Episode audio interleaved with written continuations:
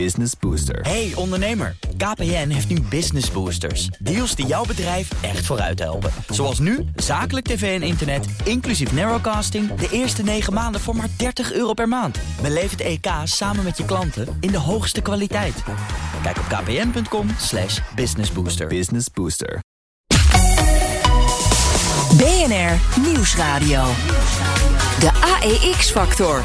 Jelle Maasbach. Welkom, je luistert naar de AX Factor met erin alles dat je moet weten voor je gaat beleggen. Mijn gasten die praten hier elke week bij over de beurzen, beleggen en vermogen opbouwen. En de gasten van deze week, dat zijn Corné van Zijl van Actiam en Errol Keiner, adjunct-directeur van de Vereniging van Effectenbezitters. Heren, welkom allebei. Dankjewel. Ja, de elektrische auto. Tien jaar geleden was het nog een suffe stekkerbak, maar inmiddels kan je er niet meer omheen. Ook niet in je beleggingsportefeuille. En één man speelt daarbij de hoofdrol. Elon Musk met zijn Tesla. De autobouwer die is qua beurswaarde iedereen voorbij gezoefd. Maar Musk bouwt ook raketten en graaft tunnels om files te vermijden. Investeren in Musks miljarden-imperium. Daar gaan we het over hebben. Moet je dat nu doen of niet? Nou, dat straks. Eerst een greep uit het belangrijkste beursnieuws. Na kwartalen van flinke groei lijkt het corona-effect een beetje uitgewerkt voor PostNL. Want in het derde kwartaal daalden de inkomsten en daalde daarmee ook de winst. Als je kijkt naar de omzetdaling, dan wordt die grotendeels veroorzaakt door post en niet pakketten. Pakketten die nog steeds een omzetstijging zien in het derde kwartaal. Dus de groei van het aantal pakketjes gaat door. Ahold Delhaize heeft flink meer verdiend in het derde kwartaal. De inkomsten stegen, maar de winst, in tegenstelling tot wat analisten hadden gedacht, nog veel meer. Ja, gelukkig hebben we natuurlijk in het derde kwartaal gezien dat de, de cultuursector en de markten weer open gingen. Ja. Eh, alleen we zien ook tegelijkertijd dat veel mensen eh, toch zijn blijven thuiswerken. We gaan naar de cijfers, derde kwartaalcijfers van ABN AMRO Bank. Want ja, ze zeggen zelf, hebben een fors hogere winst geboekt. En toch kwam er minder geld binnen bij de bank. Zo'n 20% blijkt uit de derde kwartaalcijfers. We have Disney earnings. What have they tell us? Well, misses all around, at least on the top three key numbers here. So subscribers, adjusted EPS coming in light as well, 37 cents. Revenue also missing. Dat is mijn eh, lievelingsbedrijf. Maar daar gaan we het niet over hebben. We gaan het hebben over de Hollandse aandelen. Want na ING, je hoorde het net al, kwam ABN AMRO met de kwartaalcijfers. En die vielen goed, want de bank die wist vriend en vijand te verrassen... met een onverwachte winst van ruim 340 miljoen euro. Banken hadden het zwaar tijdens de coronacrisis, maar ze krabbelen weer op. Ja, Corné, eh, ABN boekt weer winst en meer dan verwacht. Is het nou boekhoudkundig, wat we eerder zagen? Dus dat die stroppenpot wat leegloopt? Of eh, gaat goed met ABN? Ja, nou dat vond ik eigenlijk wel meevallen als je gaat kijken. De, de vrijval van de stroppenpot was 12 miljoen netto. En dat, dat was eigenlijk vrij bescheiden juist. Dus ik kan ook zeggen dat viel me juist een beetje tegen. Ik had daar een grotere winstbijdrage van verwacht. Maar het, het is geen structurele winstbijdrage. Dat is, dat is maar boekhouden. Dus wat dat betreft vond ik de kwaliteit van de cijfers wel mooi. En je zag ook dat de taxaties uh, na bekendmaken van de cijfers uh, duidelijk omhoog gingen. En, uh, dus dat geeft ook aan dat analisten erg positief verrast zijn. Ja, maar toch, het gaat altijd over die renteinkomsten. Die blijven dalen. Is dat iets om je zorgen over te maken? Dat is iets om je zorgen over te hebben moeten maken. Want die rente is natuurlijk al een heel tijdje laag. Uh, het, grote voordeel is dat uh, klanten nu accepteren dat het ook gedeeltelijk wordt doorberekend. Hè. Boven de moet je nu een half procent belasting, of, uh, belasting bankenbelasting, maar dan aan de bank. Dus een, boete betalen. en dat zorgt ervoor dat ze die kosten ook door kunnen rekenen. Hè. Bij de ECB moet je dat betalen. En dan is het ook goed dat je dat kan doorrekenen aan je klanten. Dus wat dat betreft is dat wel positief dat de, de, ja, de veranderende sfeer rond klant, bij klanten, dat dat in ieder geval positief is. En voor de rest is het natuurlijk wel hopen dat die rente eindelijk eens een keer omhoog gaat. Want dan kan je wat normalere marges rekenen. Dat kan nu niet. Ja, RL ABN was altijd een uh, wereldbank. Hè? Kennen we nog allemaal die tijd van uh, Rijkman Groening. Hè? De enorme, geleden. enorme ambities, steeds kleiner. Uh, dat is ook te zien aan de cijfers. Er was een heel deel van de omzet weg. Dus hij, de topman, de huidige topman Robert Zwaak... ja, we hebben wat onderdelen afgestoten. Hoe, hoe zou jij ABN AMRO nu typeren? Wat voor bank is het nu eigenlijk? Als je het echt op wereldschaal zou bekijken... en ook als een wereldwijde belegger... heeft ABN AMRO eigenlijk voor belegger geen relevantie hoe leuk de kwartaalcijfers ook misschien nu blijken te zijn. Waar de, de grote beleggers en de serieuze beleggers echt naar op zoek zijn, is hoe een bank als ABN AMRO denkt over drie of over vijf, over tien jaar te groeien en flink geld te verdienen. Meer geld dan de kosten van het kapitaal. En daar hebben beleggers terecht veel zorgen over en twijfels over. Ja, die, die twijfels die waren er een tijdje. Maar als je kijkt naar de, de grote winnaars uh, dit jaar op de beurs die zelfs de beleggers, die jij vertegenwoordigt, als ik zo mag zeggen, van ABN en ING, eh, beide meer dan 70% gestegen. Dus er is kennelijk nog wel wat vertrouwen. Van een lage basis. Van een lage basis. van ja, en dan laten we ook niet vergeten, ik, ik heb met opzet gezegd, wereldwijde eh, spel wat, er- wat er wordt gespeeld tussen de diverse banken. En als je de top 10, top 20, top 30 banken zou noemen wereldwijd die echt bepalend zijn, die ook ruim geld verdienen boven hun eigen kostenstructuur, dan praat je over Goldman Sachs, dan praat je over JP Morgan, Morgan Stanley, dan praat je echt niet over ABN AMRO of ING, helaas voor Nederland. Ja, helaas voor Nederland. Kijk je er ook zo naar, Corné? Ja, inderdaad. eh, Met name ABN AMRO doet, doet eigenlijk niet de zaak. En het probleem is, de vraag die je net stelde, of die Errol net stelde, van waar, waar is het bedrijf over vijf of tien jaar? Het probleem is dat het bedrijf het zelf ook niet zo goed weet van waar ze nou heen moeten. Je ziet alle fintech die ze links en rechts eh, inhalen. Zo'n Adyen bijvoorbeeld. Adyen is een prachtig voorbeeld. Eh, ja, en da- daar, daar kan ABN AMRO niet van ontstijgen. En dat is het, eh, een beetje het probleem. Ook met, omdat ze een hele zware kostenbasis hebben.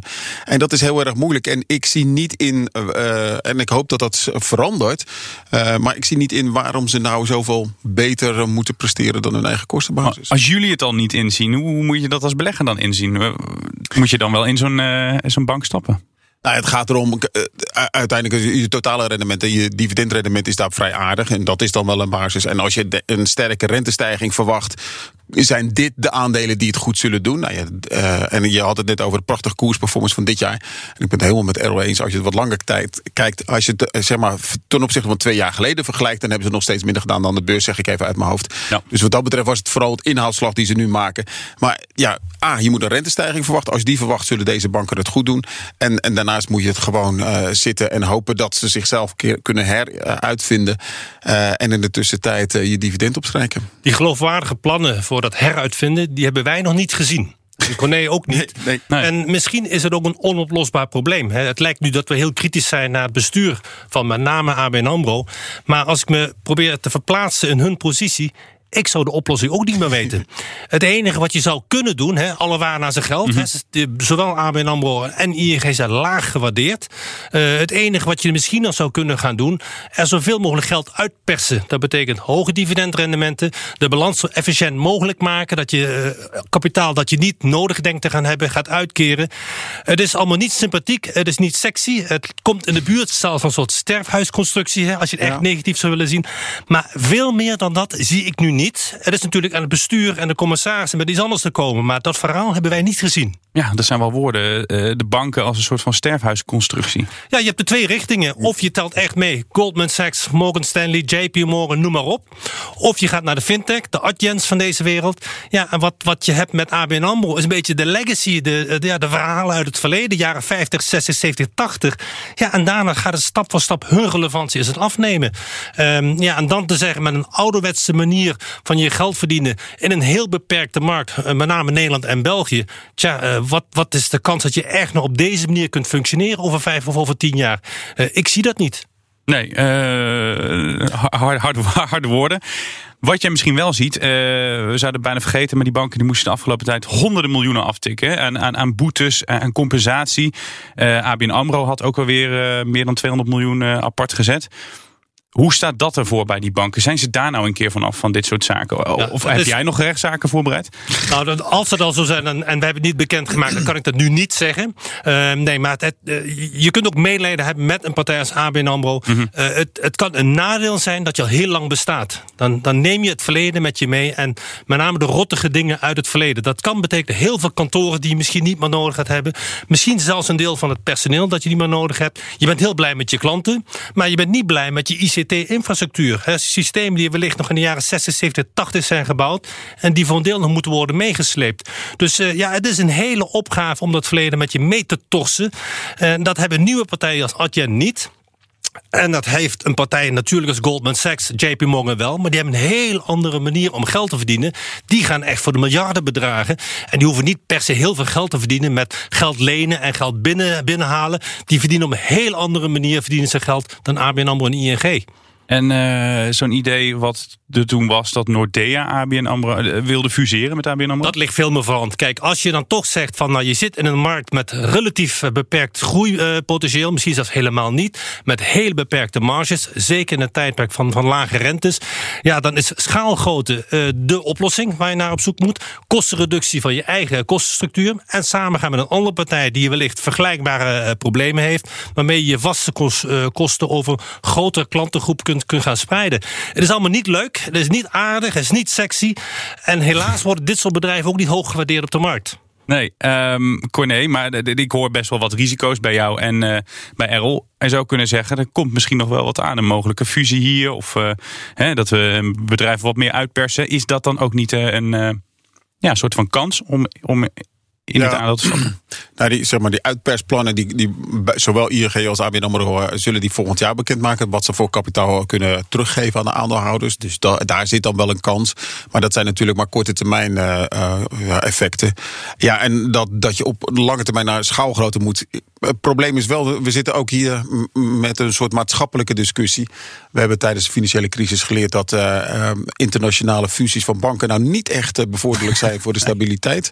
En dat willen we zeker niet herhalen. Dus daar zal echt, dat zal wel heel veel moeite kosten. En ook een heleboel politieke wil voordat we, dat, uh, voordat we in dat fase en die, dat stadium uh, zullen aankomen. Ja, want laten we niet vergeten, ABN AMRO is natuurlijk nog steeds voor een groot deel in staatshanden. Ja.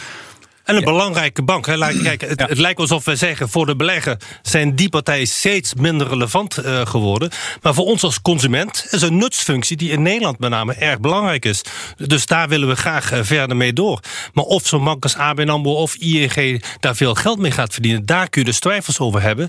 Daar komt nog bovenop, met name door de legacy, door het verleden wat ze met zich meeslepen, dat, uh, dat de, de verwachtingen van overheden ook steeds groter zijn. Ze moeten zorgen dat er geen witwaspraktijken plaatsvinden. Wat enorm dus veel geld kost. Het kost niet alleen honderden, het kost zelfs duizenden mensen die ze moeten aannemen om controles te doen, waarvan je zou kunnen zeggen dat is eigenlijk een taak van de overheid.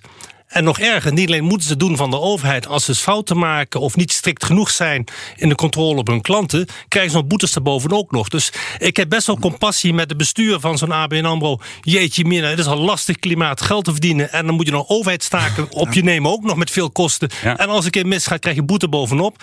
Uh, uh, dat is een behoorlijke uitdaging. Ja, en bovendien betalen ze dubbele belastingen. Je hebt de bankenbelasting en de gewone inkomstenbelasting. Dat vergeet iedereen altijd, maar uh, een bank is een bedrijf wat twee keer belasting Ja, ja, uh, Errol, je had het net over uh, niet sexy. Misschien wil je dit bedrijf dan wel sexy. Delhaize, uh, waar de banken het moeilijk hebben, profiteerde dit bedrijf van de coronacrisis. En ze denken dat ze dat ook nog wel even blijven doen. En voor wie het gemist heeft, de inkomsten in het derde kwartaal 18,5 miljard euro. En de winst ruim een half miljard. En dat is dan dik 600% meer dan dezelfde periode het jaar daarvoor. En waar zit nu nog um, de meeste groei, Corné? is dat in de supermarkt zelf of is dat in de online tak? Nou, de groei zit natuurlijk in online tak. Dat is wel duidelijk als je gaat kijken. Alleen maar bol.com in vijf jaar tijd van 1 miljard. En uh, verwachting gaan ze volgend jaar 5 miljard winst maken. Nou ja, daar zit dus wel wat groei in om het maar even uh, uit te drukken. Um, maar voor de rest zit het denk ik vooral. Uh, België loopt nog uh, schroomloos achter qua winstgevendheid. Daar zit qua winst nog wel wat de nodige groei. En wellicht dat uh, ook qua winst, zeg maar, al die online takken, dat je daar ook eens een keer winst mee gaat maken. Maar daar is de concurrentie zo hevig. Al de picknickwagentjes die rondlopen, rijden en van bijna iedere supermarktketen. Ja, die vechten elkaar de tent uit. En, en daar is de winstgevendheid eigenlijk minimaal. En dat, dat zie ik ook nog niet zo snel veranderen onder de huidige situaties. Ja, topman eh, Frans Muller, die spraken we van de week. Die erkent ook die groei die komt echt door de coronacrisis. Maar zegt hij ook, dit gaan we vasthouden. Alleen we zien ook tegelijkertijd dat veel mensen uh, toch zijn blijven thuiswerken. En dat heeft natuurlijk een uh, positieve invloed op, het supermarkt, op, de, op een. Omdat ze ook thuis hun ontbijt en hun lunch eten. En daarnaast is het natuurlijk zo dat mensen ook meer thuis zijn gaan koken. En thuis koken hebben herontdekt. En ik denk dat we daar wel effecten van zien. Ja, hij zegt dus mensen blijven thuis werken, thuis ontbijten. Nou, we kunnen nu uh, waarschijnlijk binnenkort wat minder uit eten de, de komende weken. Is het een bedrijf dat er dan goed uh, voor staat, uh, Errol? Ja, uh, je, zelfs de grootste kritiekasters zullen toegeven.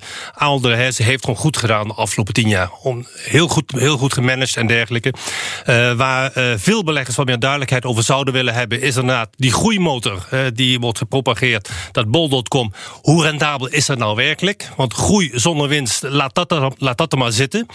Een tweede vraag die erbij komt. Stel voor bol.com blijft flink doorgroeien en wordt steeds dominanter. Hoe dominant gaat bol.com echt zijn als Amazon.com definitief gaat besluiten... nou, nu nemen wij het spelletje over. Want tegen de marktmacht van Amazon.com is het heel moeilijk vechten. Ja, uh, zie je dat ook zo, uh, Corné? Ja, inderdaad. Ik uh, ben nog uit de tijd dat we de hijs vroeger hadden. En toen dachten we ook van nou, dat blijft wel lekker Nederlands. En dit, uh, dat doen we met z'n allen. En dus die Facebook is geen bedreiging. Nou, dat, de, de praktijk bleek anders geweest te zijn. Ja. En dat, dat kan je hier ook wel van voorstellen. Maar uh, dit is wel even een andere ma maat. En wat dat betreft, Amazon is natuurlijk al begonnen. En krijgt nog niet echt voet aan de grond hier in Nederland. En in, in België eigenlijk ook niet zo. Dus wat dat betreft is het wel, wel anders. Ja, weet ik. Maar als uh, inderdaad, wat Errol zegt, als ze zich echt kwaad gaan maken. Als een Amazon komt. Ja, en dan, het, je, het ziet er allemaal heel leuk uit met Bob.com. Maar dan zijn ze toch gewoon weg. Ja, nou ja, maar de vraag is ook. Als je al.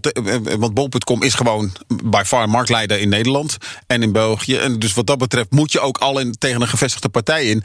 En voor Amazon moet je ook kijken van ja, hoe belangrijk is Nederland en België nou voor zo'n partij. Dus willen die hier weer wel zich zo druk maken. Dus wat dat betreft kan ik me voorstellen dat ze die stap ook niet gaan maken. Maar dat weet je nooit. En als ze dat echt gaan doen, heb je als Ahold wel een probleem. En dan moet het meer een, een techbedrijf uh, worden, Errol? Nee, ik weet niet of een techbedrijf. Kijk, Ahold de Herzen verdient het geld met de supermarkten. En supermarkten zijn ontzettend interessant als business, ook qua financiering, want je financiert jezelf. Je klanten betalen je eerder dan dat jij je leveranciers hoeft te betalen. Dus zolang je ook maar een beetje groei hebt, komt het kapitaal, het geld spuit eruit. En dat, dat managt uh, Alde Hers gewoon erg goed. En dat doen ze al heel, heel lange tijd, doen ze het erg goed. Ja, Bol.com wordt een soort plusje gezien, dat er een extra groeimotor kan komen. Maar nogmaals, de twee vragen die blijven. De strategische, hoe lang mogen ze het spelletje nog doen? Hè, de dominante mm -hmm. speler blijven. Hoe lang mogen ze dat doen van, van Amazon.com?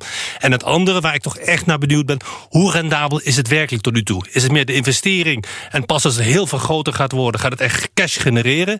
Of is het min of meer rond even. Ik vermoed het laatste. Nou, ik, ik heb een boek staan op bol.com. Ik weet wat hun marges zijn. Die zijn uh, schrikbarend hoog. Hoger dan, dan als producent van een uh, product. Um, maar de, daarvan afgezien, ze maken al wel winst natuurlijk. En dat is wel positief. Want een heleboel van die partijen maken geen winst. Zo'n picknick, dat maakt geen winst. Ik denk ook, ben bang dat het ook voorlopig geen winst zal maken. Want die, daar kan je bijna geen uh, groot genoeg schaalgrootte krijgen om daadwerkelijk boven die nullijn te komen. En bij bol.com is dat al het geval. En ja, de vraag is hoeveel ze nog verder kunnen groeien. Want die extra. Is dat, uh, Corné? Is dat jouw biografie of uh, die tegelwijsheden? Nee, nee, nee, die, die tegeltjeswijsheden inderdaad. Maar even voor, er staat voor 20 euro kan je de bij bol.com kopen. En ik denk dat ik er iets van 8 euro bruto aan overhoud. De rest is allemaal van bol.com. Dat doen ze goed. Dat zijn goede marges.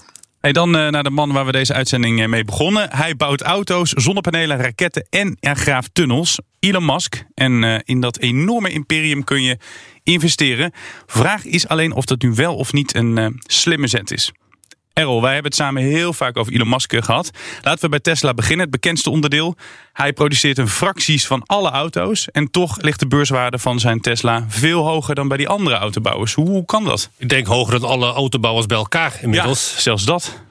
Ja, het is, uh, laten we beginnen met een compliment. In plaats van alleen maar kritiek op alles en iedereen. Ja, heel het goed. is geweldig en ongelooflijk wat, wat Musk allemaal voor elkaar heeft gekregen.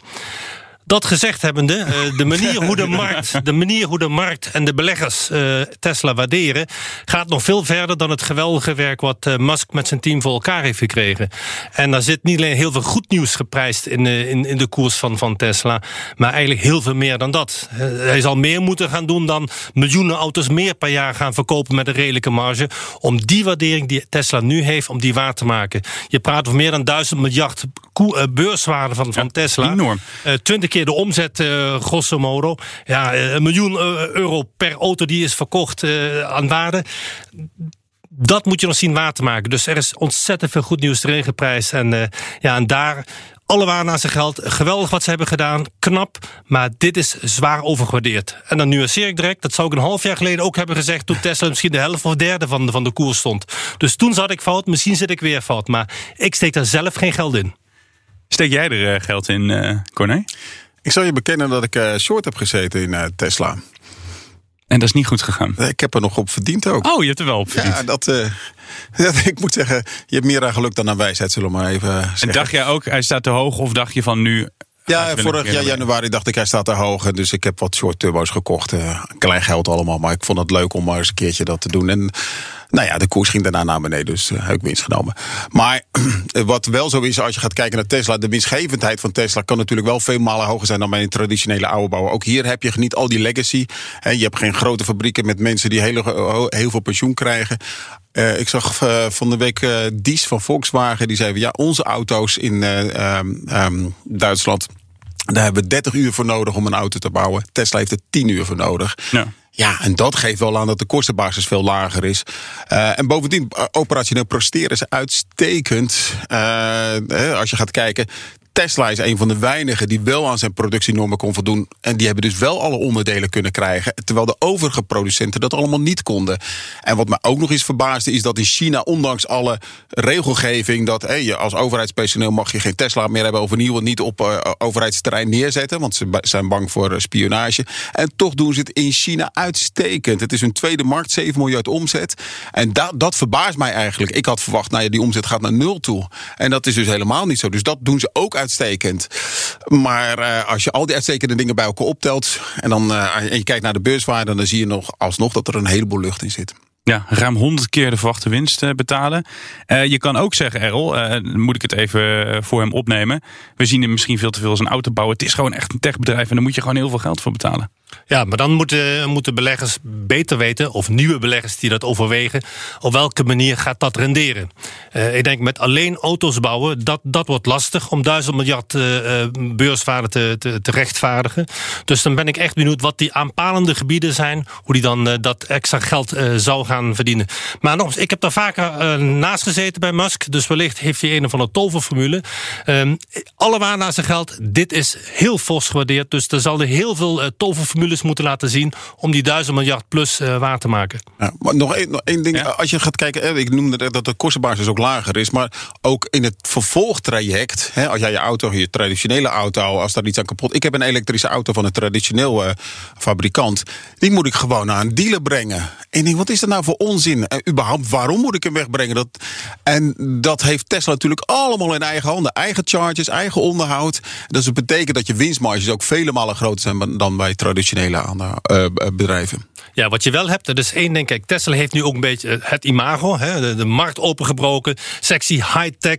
Het waren zeker aanvankelijk zeer dure auto's. Nu een stuk, een stuk minder geworden.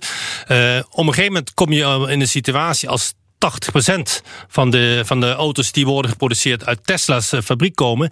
Ja, dan krijg je een beetje het idee wat je vroeger had in, in Rusland. Iedereen naar Lada, dan is het niet meer sexy. dus uiteindelijk uh, zal ook deze, deze pioniersrol, er zullen zal concurrentie zijn van partijen die misschien op dat moment als veel interessanter worden gezien. Die weer nieuwe methodes zien om dan uh, Musk rechts in te halen. Ja, en dat zal zeker pijn doen in, in de waardering hoe Tesla-beleggers nu tegen hun onderneming aankijken. Er is natuurlijk ook toekomstig concurrentie. En daar zal toch ook uiteindelijk rekening mee moeten worden gehouden. De AEX-factor. Jelle Maasbach. Bij mij nog altijd Corné van Zijl van Actiam en Errol Keijner, adjunct-directeur van de VEB. Errol, een poll op Twitter organiseren met de vraag... moet ik voor miljarden aan aandelen gaan verkopen? Is dat een goed idee of niet? Het is op zijn minst een merkwaardig idee. en voor een, voor een bestuursvoorzitter eigenlijk kan dat niet. Maar uh, Musk uh, tacht alle wetten en alle regels en alle conventies. En als zodanig past dit natuurlijk weer perfect daarin. Ja, want hij uh, vroeg of die gedeelte, echt een groot gedeelte van zijn aandelenbelang moest verkopen. 57% zei ja, moet je doen. En daar luisterde hij naar. Hij moet het dus wel doen, want anders heeft hij een probleem. Als hij nu vraagt, ik, ik ga me houden aan hetgeen wat die, wat, wat die poll zegt, wat de, wat de Twitter-responders zeggen, en hij doet het niet, dan kan hij een probleem krijgen met markt, wederom marktmanipulatie of de markt voor de gek houden. Dus hij moet het nu wel echt doen. Ja, hij heeft uh, voor 5 miljard aan aandelen uh, verkocht, maar slechts een gedeelte van het verhaal is dat, Corné, want Musk zit met een berg opties uh, die waardeloos dreigt te worden, las ik. Uh, hoe zit dat? Hij moest verkopen? Nou, die opties krijgt hij. Hij mag, de, uh, mag een aandeel Tesla tegen 6,24 euro kopen. En de koers is nu 1060 zo eventjes. Dus daar zit wel wat winst op. En over die winst moet hij 54% belasting betalen. Oftewel, hij mag eventjes 13 miljard uh, aftikken. Dat is een half procent van het totale overheidstekort in de Verenigde Staten. Dus uh, hij levert zijn bijdrage wel.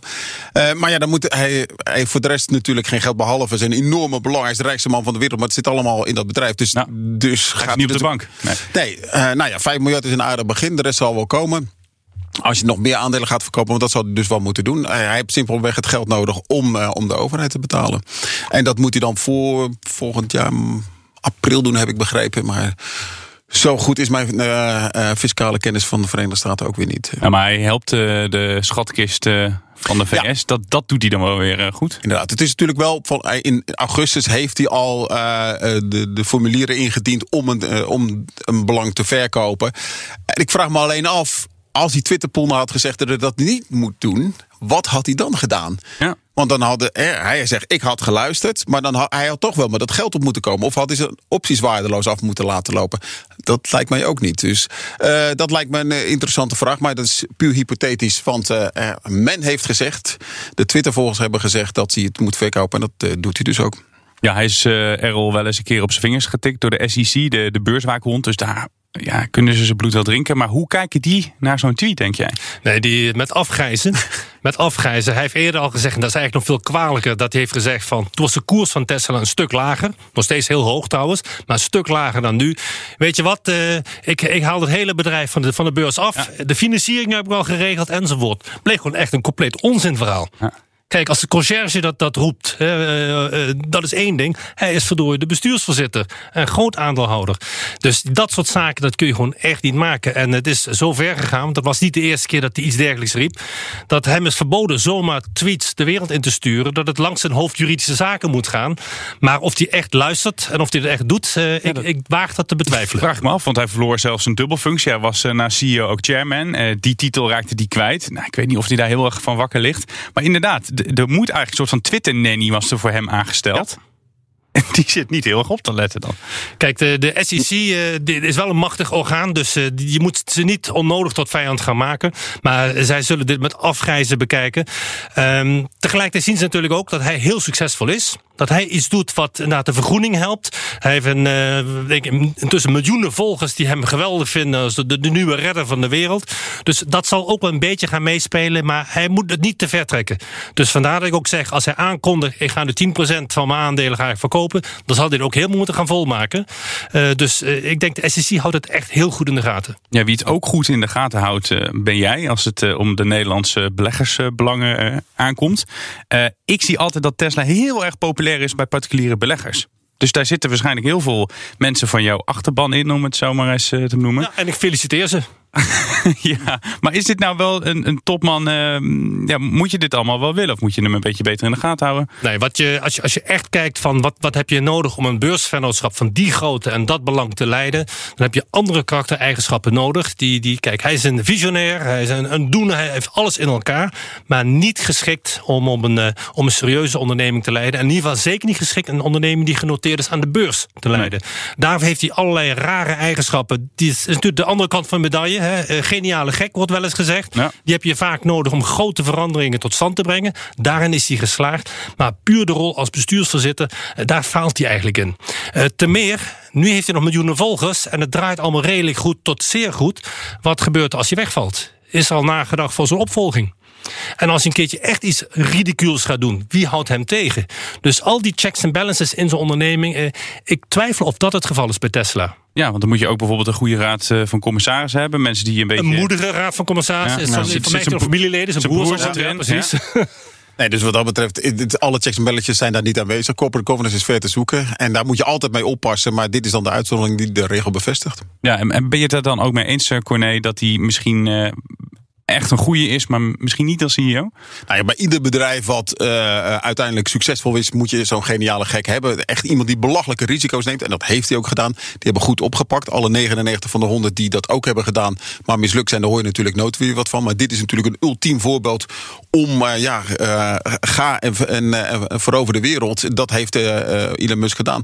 En ja, zo iemand heb je dus nodig in de opbouwfase. Maar op een gegeven moment kom je tot een stabilisatie. En dan is, is zo'n iemand die alleen maar doorgaat. En uh, op een gegeven moment ook wel een risico. En dat risico is volledig nog niet uh, tot het besef bij beleggers doorgedrongen. Ja, over uh, gesproken. Een paar uur geleden twitterde die wat over Rivian. Dat is die beursgang, start-up, elektrische auto's. 100 miljard dollar waard. Nou, kunnen we ook over discussiëren of dat wel of niet te veel is. Maar Musk die twitterde het volgende. Er zijn honderden auto-startups geweest. Zowel elektrisch als met verbrandings motor. Maar Tesla is de enige Amerikaanse autofabrikant die in de afgelopen 100 jaar een hoog productievolume en een positieve cashflow heeft bereikt. Nou, dat, dat, van de elektrische auto's ja, maar, niet, van, de gewone auto's. ja, dat is ook weer zo'n. Uh, wel even leuk om jullie uh, voor te leggen. Maar hij, uh, leidinggeven hebben we het over gehad. van Tesla zelf. Maar hij timmert ook flink aan de weg met zijn eigen ruimtevaartbedrijf, SpaceX. En gisteren nog werd een Falcon 9 raket met vier astronauten gelanceerd. 3, 2, 1, 0. Ignition. En liftoff. Ja, ik ben fan van raketten en ruimtereisjes, maar uh, niet uh, objectief in deze. Maar uh, Errol, hoe ga je je geld mee verdienen met deze business?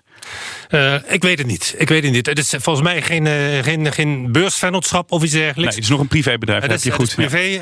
en, en dergelijke. net als zijn, zijn maatje, concurrent zo je wilt, miljardairsmaatje Bezos. Hè, ja, dat, ja. Blijkbaar als je meer dan 100 miljard hebt, vind je leuk om raketten te gaan sturen. Het is op zich interessant in technisch opzicht. Maar als je dat ook verhoudt met wat wij eigenlijk als samenleving als een van de grootste problemen hebben, klimaat en dergelijke, weet ik niet of het heel verstandig is om particulieren de ruimte in te sturen. Als het is voor onderzoek en dergelijke, daar heb ik begrip voor, nieuwe dingetjes gaan uitvinden, maar als het een soort spel is, een soort toerisme, ja, ik heb daar eigenlijk geen goed woord voor over. Dat is niet de manier om problemen op te lossen. Dus wat hij deed met Tesla, van ja, elektrisch rijden, dat kan een positieve bijdrage leveren. Dat geldt niet met toerisme voor, voor particulieren in de ruimte. Nee, uh, Corné, uh, investeerders uh, geloven er wel in, in deze ruimtereisjes. Want er wordt toch wel flink geld in gestopt. begrijp je dat? Nou ja, ik begrijp het wel. Uh, maar wat hier is vooral, hij, hij, neemt ook best wel veel taken van de NASA over bijvoorbeeld. Nou ja, of het, de raket nou door de een of door de ander gaat. Het blijkt dat uh, Musk dat toch wel wat beter kan. En ook dat de raketten weer heel terug op aarde komen. Dat scheelt ook weer een hoop. Dus wat dat betreft kan ik me voorstellen dat hier meer een businessmodel zit dan bijvoorbeeld bij Richard Branson, die gewoon met een ja, supervliegtuig ruimtereisjes maakt. Ja, daar zit geen enkele toegevoegde waarde in natuurlijk. Sowieso uh, kan ik me voorstellen, waarom zou je dat überhaupt willen? Maar dat even tezijde.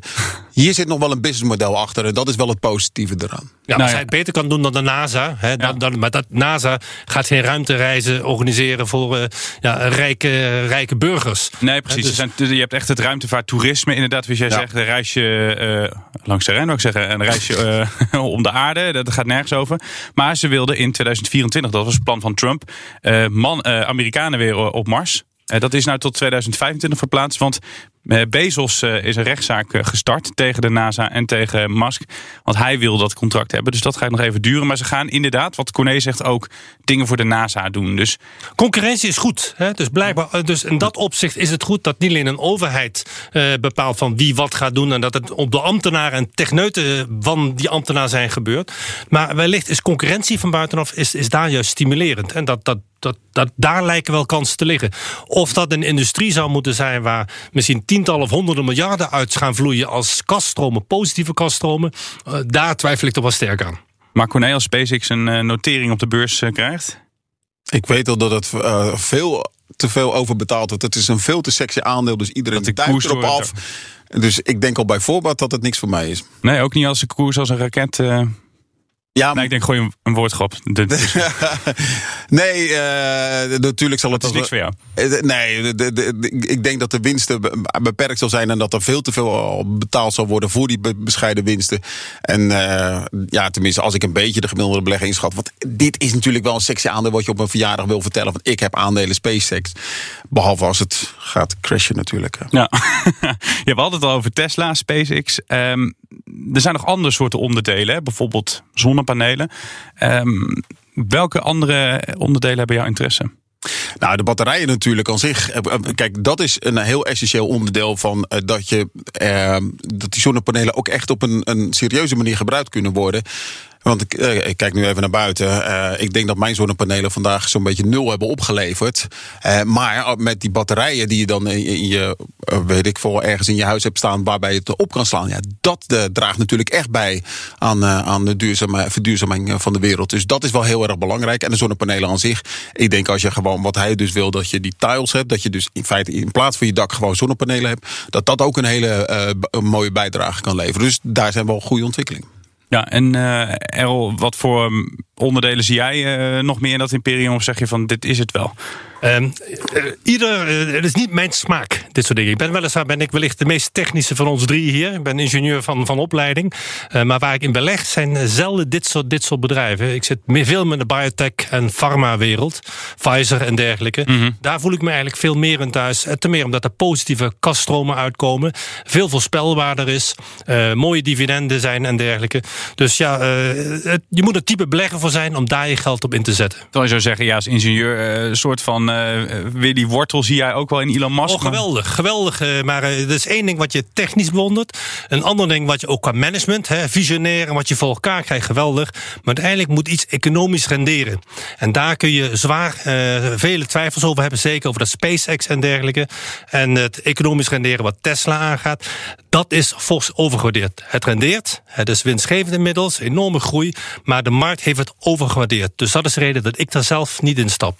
Net tot slot, Elon doet niet meer eh, het financiële praatje met analisten. De earnings call, goede zaak, zei jij eerder, Errol. Je zei toen alle respect voor wat hij heeft bereikt. Maar het is nu tijd voor een woordvoerder die zijn zaakjes op orde heeft. Wat meer saai kan geen kwaad. Dat betekent dus ook dat jij, eh, stel dat die SpaceX naar de beurs brengt... dat jij niet wil dat hij die praatjes eh, met analisten gaat houden.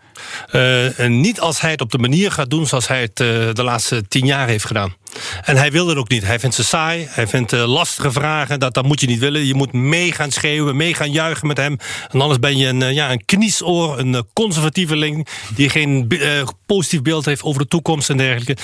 helaas, in de financiële wereld werkt het anders. Je moet je, je beleggers, je moet de buitenwereld... netjes correct informeren. Niet alleen over de kansen, dat doet hij geweldig... maar ook over de risico's en de dingen die tegenvallen. En niet boos zijn als iemand een kritische vraag stelt. Nee, um, kritische vraag heb ik niet meer voor jou, uh, Corné. Wel de laatste. Uh, waar gaat dit uh, hele imperium naartoe de komende tijd? Nou, dat zou ongetwijfeld verder gaan groeien. Het aantal auto's zal echt simpelweg verder groeien. Maar, maar, dat is ook logisch. Overigens, nog wel een klein detail is dat de subsidies op Amerikaanse auto's. en dat is toch bij verre het grootste gedeelte, totaal de helft van de totale omzet in Amerika. Dat betekent dus dat daar wel wat druk op zou komen. En dat is een aspect wat ik nog helemaal niet hoor. Dus dat zal een minpuntje kunnen zijn. Ja, voor de rest, die overige aspecten, uh, uh, die tiles en die, en die uh, batterijen. Daar geloof ik wel dat de groei al heel erg voor, fors zal zijn. ik denk ook dat daar veel concurrentie zal komen. Maar bedenk, het is maar 2 miljard van de totale 30 miljard, 32 miljard omzet. Dus het is, het is maar heel bescheiden. Ja, daarmee zijn we alweer aan het einde gekomen van deze aflevering. Maar niet getreurd, volgende week zijn we er weer. Voor nu dank ik mijn gasten Corné van Zijl van Actiam en Errol Keiner, adjunct-directeur van de VEB.